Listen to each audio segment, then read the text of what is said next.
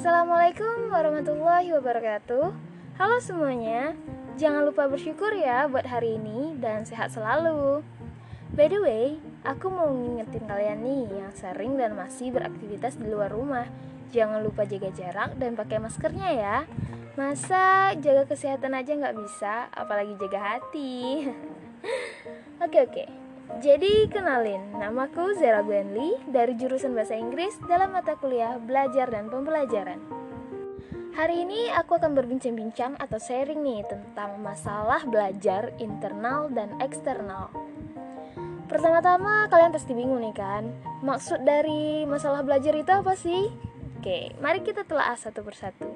Masalah, pengertian masalah adalah kondisi atau keadaan yang belum sesuai dengan keadaan yang diharapkan. Bisa kita bilang ekspektasi tidak sesuai dengan realita. Yang kedua, belajar.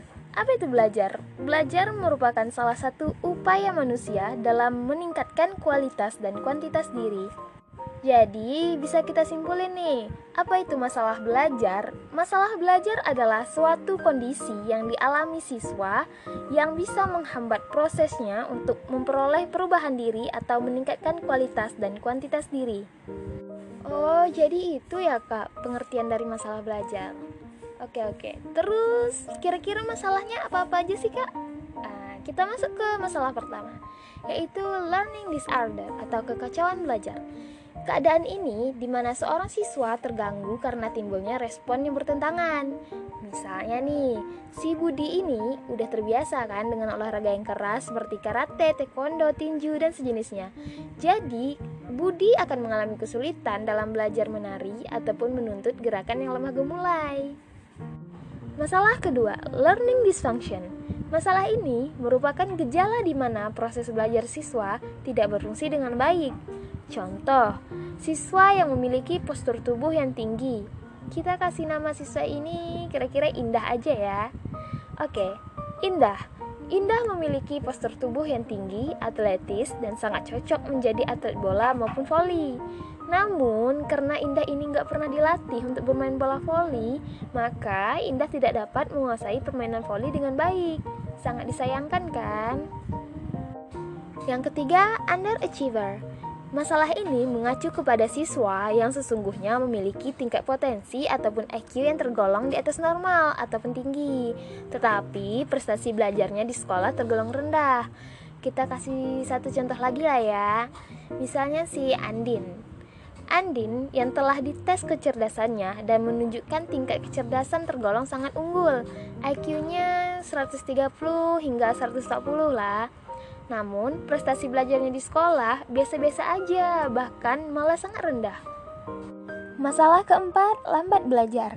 Masalah ini di mana siswa lambat dalam proses belajar, sehingga ia membutuhkan waktu yang lebih lama dibandingkan sekelompok siswa lainnya.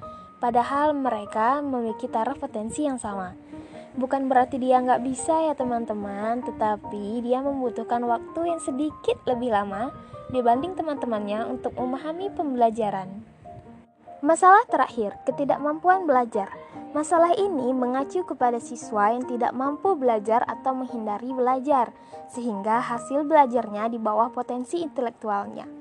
Kita kasih satu contoh terakhir ya. Hmm, kira-kira namanya Rizky. Rizky ini tidak suka pelajaran matematika.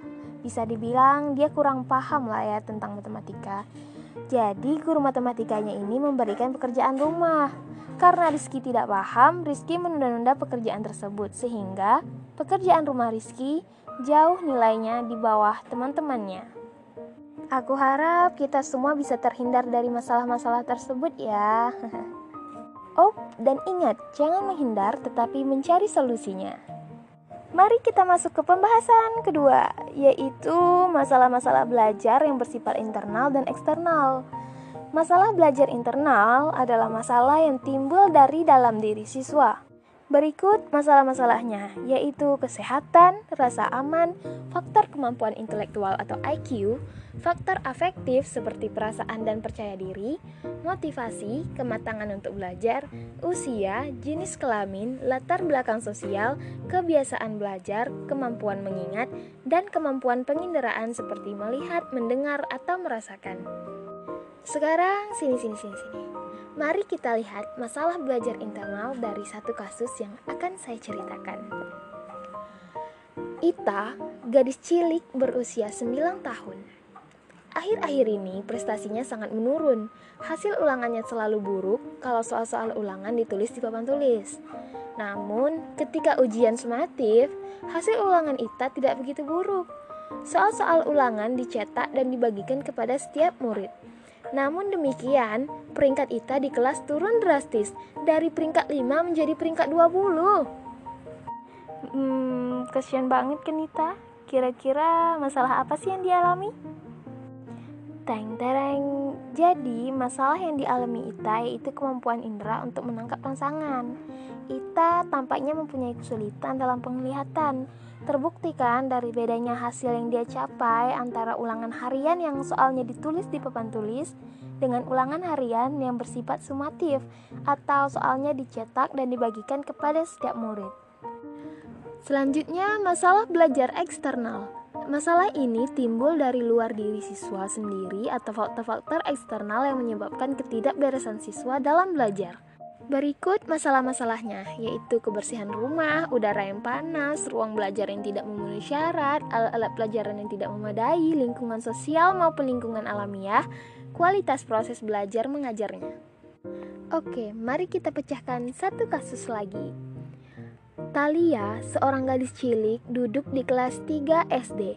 Ia termasuk salah seorang dari sejumlah anak di kelasnya yang belum dapat membaca dengan lancar. Setiap pelajaran membaca nih, ia menjadi ketakutan karena setiap membuka mulut, ia ditertawakan oleh teman-temannya. Gurunya hanya membiarkan saja dan mengalihkan giliran kepada murid lain. Akibatnya, Talia selalu ketinggalan kan dari teman-temannya. Nah, di rumah, Talia selalu dimarahi karena dalam membaca ia dikalahkan Dolly adiknya yang duduk di kelas 2. Hmm, kira-kira masalah eksternalnya Talia ini apa sih?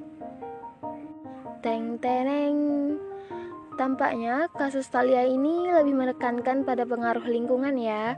Ketinggalan Talia dalam membaca lebih banyak disebabkan oleh rasa takut karena ia sering ditertawakan, sering dimarahi, jadi ia takut dan tertekan.